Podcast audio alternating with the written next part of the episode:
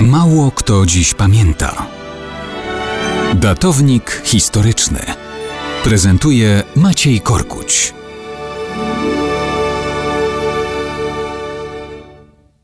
Dzisiaj obchodzimy Narodowy Dzień Pamięci Polaków ratujących Żydów pod okupacją niemiecką.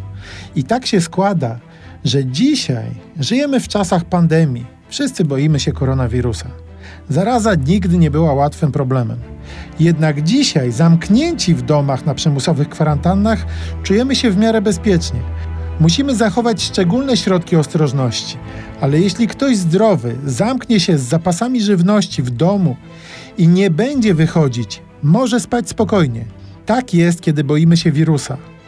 Gorzej, kiedy tak jak w czasie niemieckiej okupacji źródłem lęku o życie swoje i najbliższych są umundurowani i uzbrojeni ludzie działający w imieniu państwa, które może z nami, naszymi dziećmi, braćmi i siostrami zrobić wszystko, dosłownie wszystko.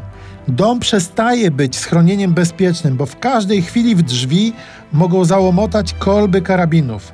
Totalitarne państwo każe śmiercią za przyzwoitość, za ludzkie odruchy, za gotowość wsparcia potrzebujących.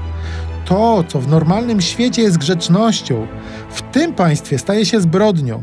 Nie ma sensu o Polakach i Żydach w czasie wojny mówić bez stawiania na pierwszym planie państwa Rzeszy Niemieckiej.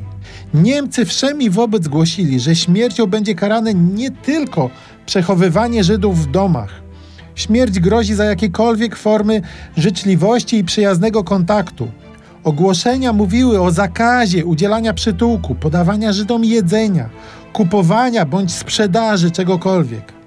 Państwo niemieckie wysyła uzbrojonych ludzi w mundurach, aby przeszukiwali domy i zabijali tych, którzy udzielają przytułku.